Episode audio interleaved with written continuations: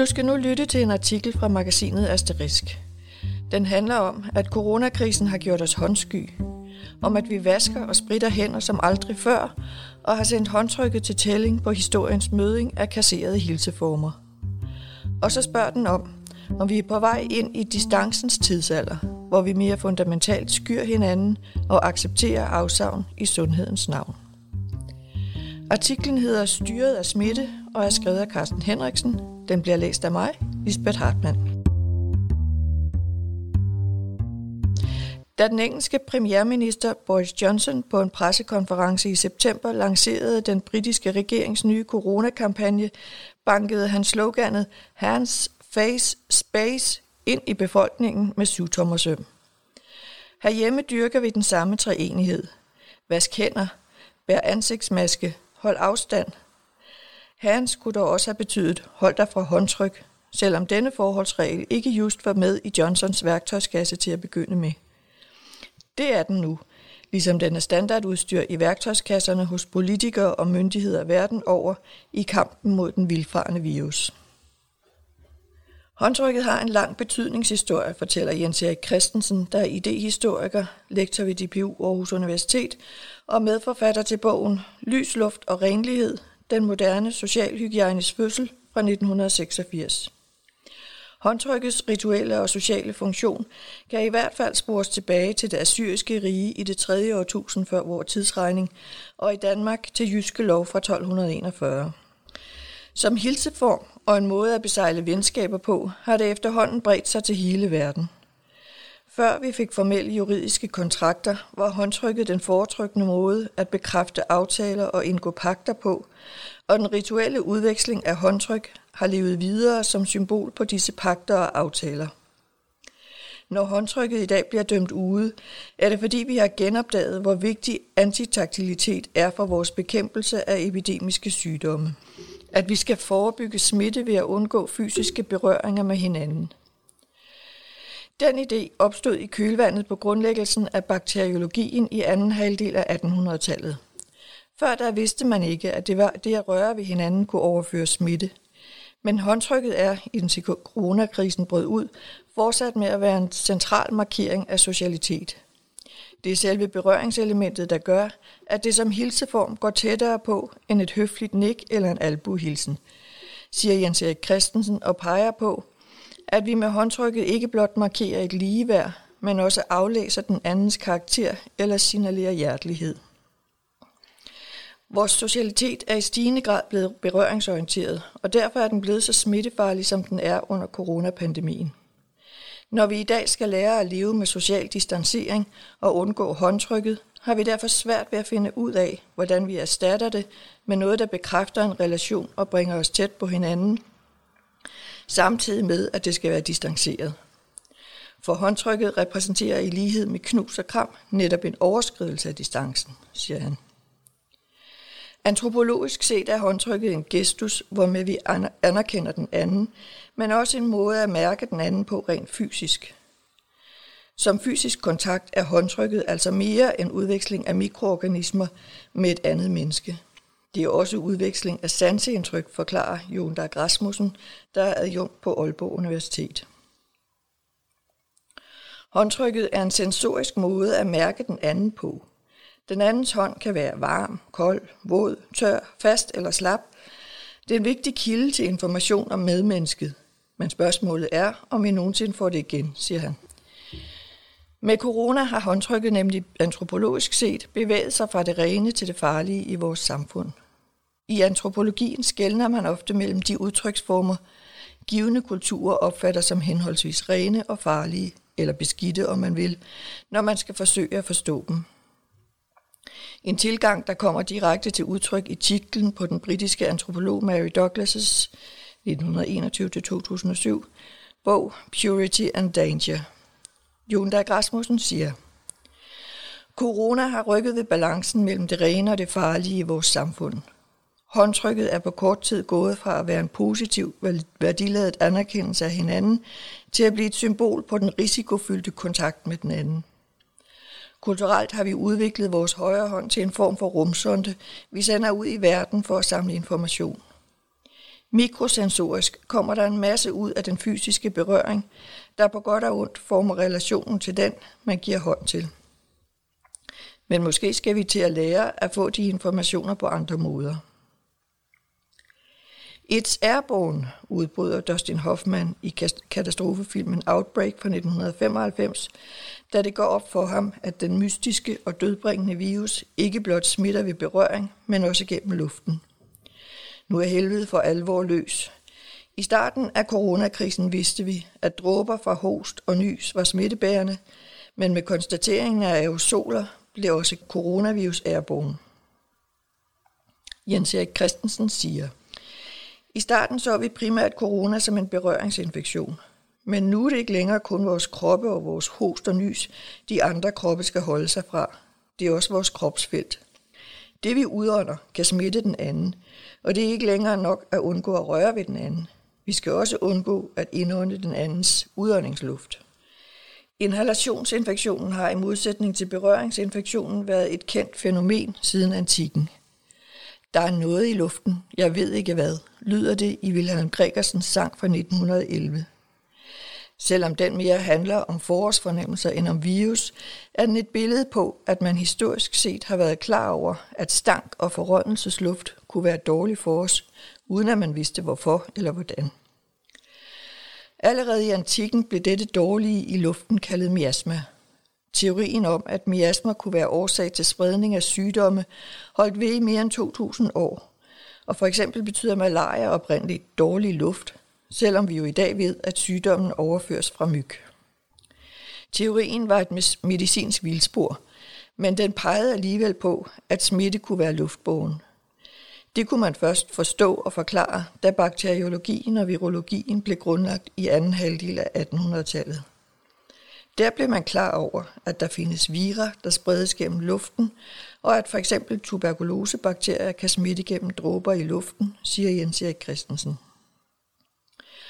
Hvor antitaktilitet som middel til sygdomsbekæmpelse altså er en nyere dato, kan coronakrisen ses som, som en genoptagelse af den antikke miasmatanke. I dag ved vi godt, hvad det er, der kan være i luften. Men der er stadig noget mystisk ved viruspartiklerne, fordi vi hverken kan se eller mærke dem.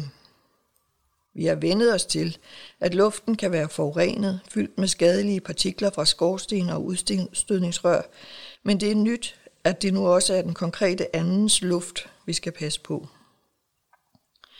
At vi nu skal være opmærksomme på, hvad det er, vi egentlig sender ud i verden, når vi synger, råber eller bare trækker vejret, er det nye hygiejniske lærestykke, coronakrisen har ført med sig. Luften er blevet faretruende på en meget mere direkte måde i mødet med den anden, end vi har været vant til, siger han. Ifølge Jens Erik Christensen kan man se den måde, vi håndterer coronakrisen på, i lyset af den politiske interesse for befolkningen som population, der opstod i 1700-tallet. Den franske filosof og idehistoriker Michel Foucault har beskrevet, hvordan periodens enevældige magthavere blev opmærksomme på den politiske betydning af befolkningens biologiske processer, og senere også af dens biologiske kvaliteter, og han karakteriserede dette nybrud som biopolitikkens fødsel. Jens Erik Christensen siger, Interessen rettede sig mod fødsels- og dødshyppighed, sygdoms- og sundhedstilstand, hygiejne og ernæring.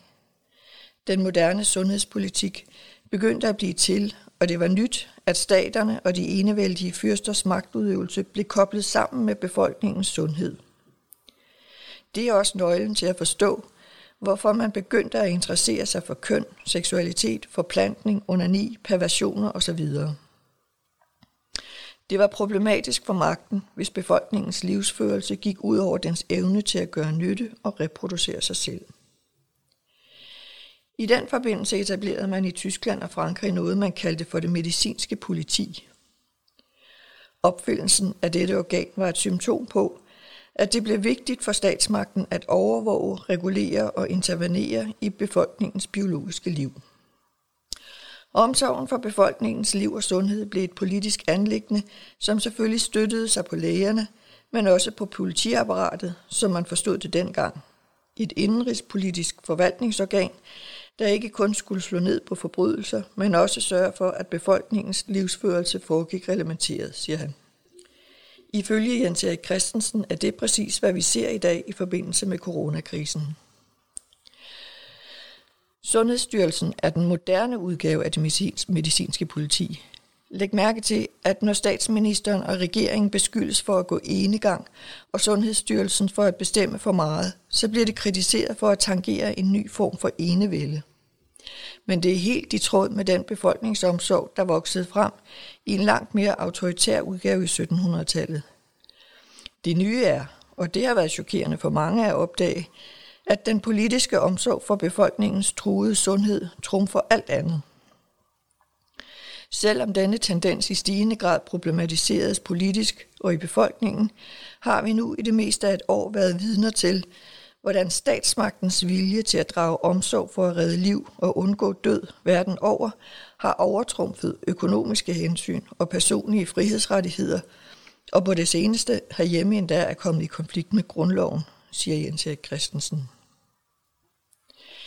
Ifølge Jens Erik Christensen, så gennemsyrer de forholdsregler, samfundet har taget i brug over for epidemier, den måde, vi mere grundlæggende organiserer samfundet på.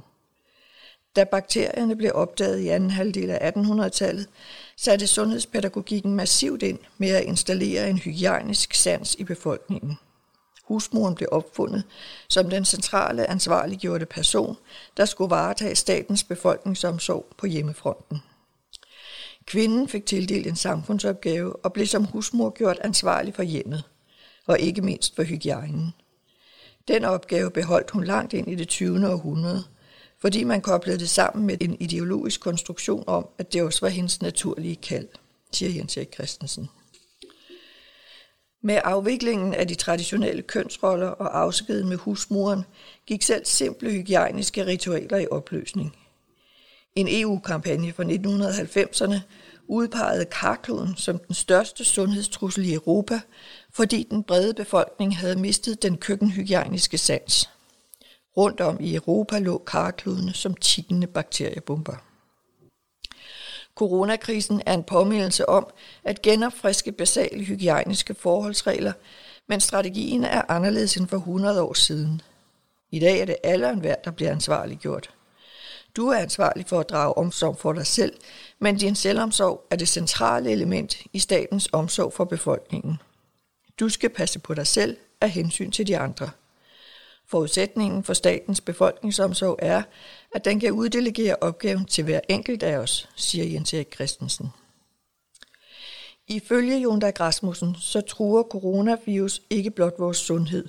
Den rokker også ved vores forestillinger om, hvad det vil sige at være et individ med en krop i verden.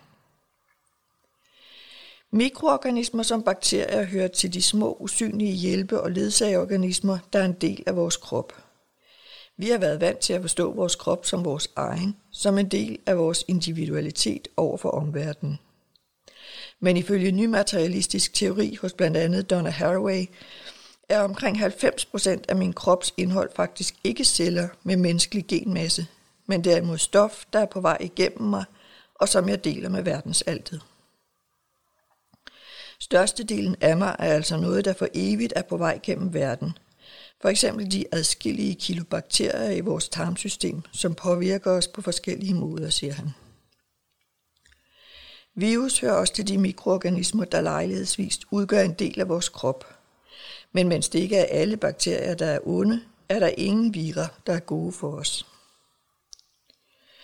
Corona understreger på grum vis den erkendelse, at min krop ikke kun er min egen, men at vi som mennesker også er forbundet rent fysisk gennem de mikroorganismer, vi deler. Med coronakrisen er vi som verdenssamfund blevet opmærksomme på, hvor meget vi hænger sammen. Globaliseringen rykker helt ind i vores kroppe, og det bliver tydeligt, at der er vilkår, vi alle er underlagt, siger Jon Dag Rasmussen. Coronakrisen har også på anden vis rokket ved vores forståelse af, hvad individ er. Sat på spidsen kan man sige, at vi ikke længere primært ser hinanden som individer, men som led i lange smittekæder af mennesker, der går i alle mulige retninger. Vi indgår i fletværk med hinanden og skal hele tiden være påpasselige og ansvarlige og forholde os vurderende til, hvorvidt de andre led i kæderne er det samme. Med corona har vores forbundethed på tværs af generationer og med venner, kolleger, børns kammerater, dyr osv. fået ny vægt. Man kan antropologisk set nærmere tale om et udvidet slægtskab, fordi forbundetheden så tydeligt rækker ud over den nærmeste familie, når enhver anden vi møder er potentielt smittefarlig med sit nys, sit host, sit nærvær og sin gispende ånde på cykelstien, siger Jon Dag Rasmussen. Den danske forsker i medicinsk humaniora Adam Benkar peger på, at hygiejne, renlighed og brugen af håndsprit i dag har nået et stadie, hvor det begynder at udgøre en trussel mod både vores fysiske og psykiske sundhed, forklarer Jon Dag Rasmussen. Og det var vel at mærke, inden corona fik os til at skrue yderligere op for håndspritten. Vores hud er ikke et isolerende hylster, men kroppens største organ, der er åbent mod verden. Når vi spritter hen konstant, beskytter vi os ganske vist mod bakterier og virus, men vi ødelægger samtidig kroppens naturlige forsvar, hvilket er et paradoks, coronakrisen sætter på spidsen, siger Jon Dag Rasmussen. Inden for pædagogikken har det en del år været en tendens, at det er sundt for børn at være ude og bogstaveligt talt røre ved skidtet, pointerer han. Mantraet har været, at det er godt for børn at komme i kontakt med de gode bakterier, rode i jorden, få mikroorganismer op under neglene og ind i systemet ved at putte fingrene i munden. Corona er utvivlsomt farlig for os, men måske ligger der en lige så stor eller endnu større fare på lur, når vi får at bekæmpe en bestemt mikroorganisme, installerer en hygiejnisk standard, hvor vi vasker og spritter hænder i en sådan grad, at vi ikke blot afskærer os fra de gode bakterier, der kan bidrage til at udvikle vores immunforsvar, men måske også kommer til at stå svagere over for andre mikroorganismer fremover, siger Jon Dag Rasmussen. I vores kamp mod corona tager vi klassiske strategier for epidemibekæmpelse op i moderniseret form – det skyldes ifølge Jens Erik Christensen, at selvom epidemier er forskellige, har de det til fælles, at de er sociale sygdomme.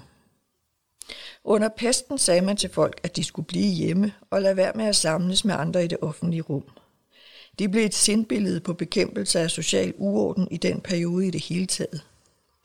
Men hvor man i 1700-tallet ville undgå, at folk i alle aldre stemlede sammen på byens torv, er det i dag de unge, der ikke må dyrke deres foretrukne form for socialitet, nemlig at mødes i det offentlige rum.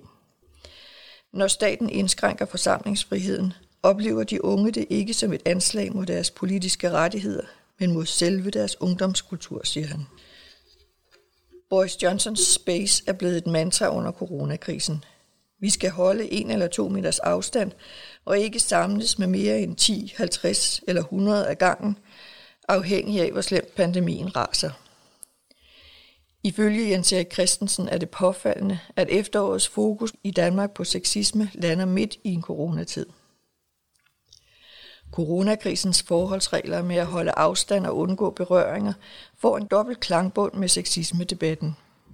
I den ene ende af skalaen for kropslige interaktioner ligger de uønskede erotiske berøringer og tilnærmelser – i den anden ende ligger håndtrykket og kindkysset som hilseformer og det venskabelige kram.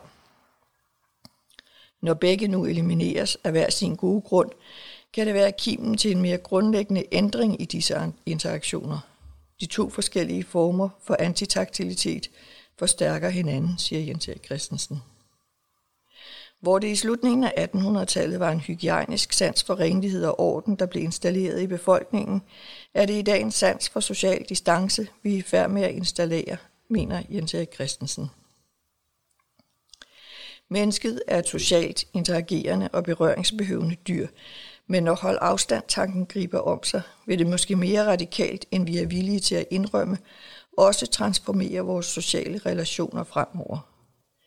Formentlig vil vi også på den anden side af corona tænke, jeg må hellere holde afstand.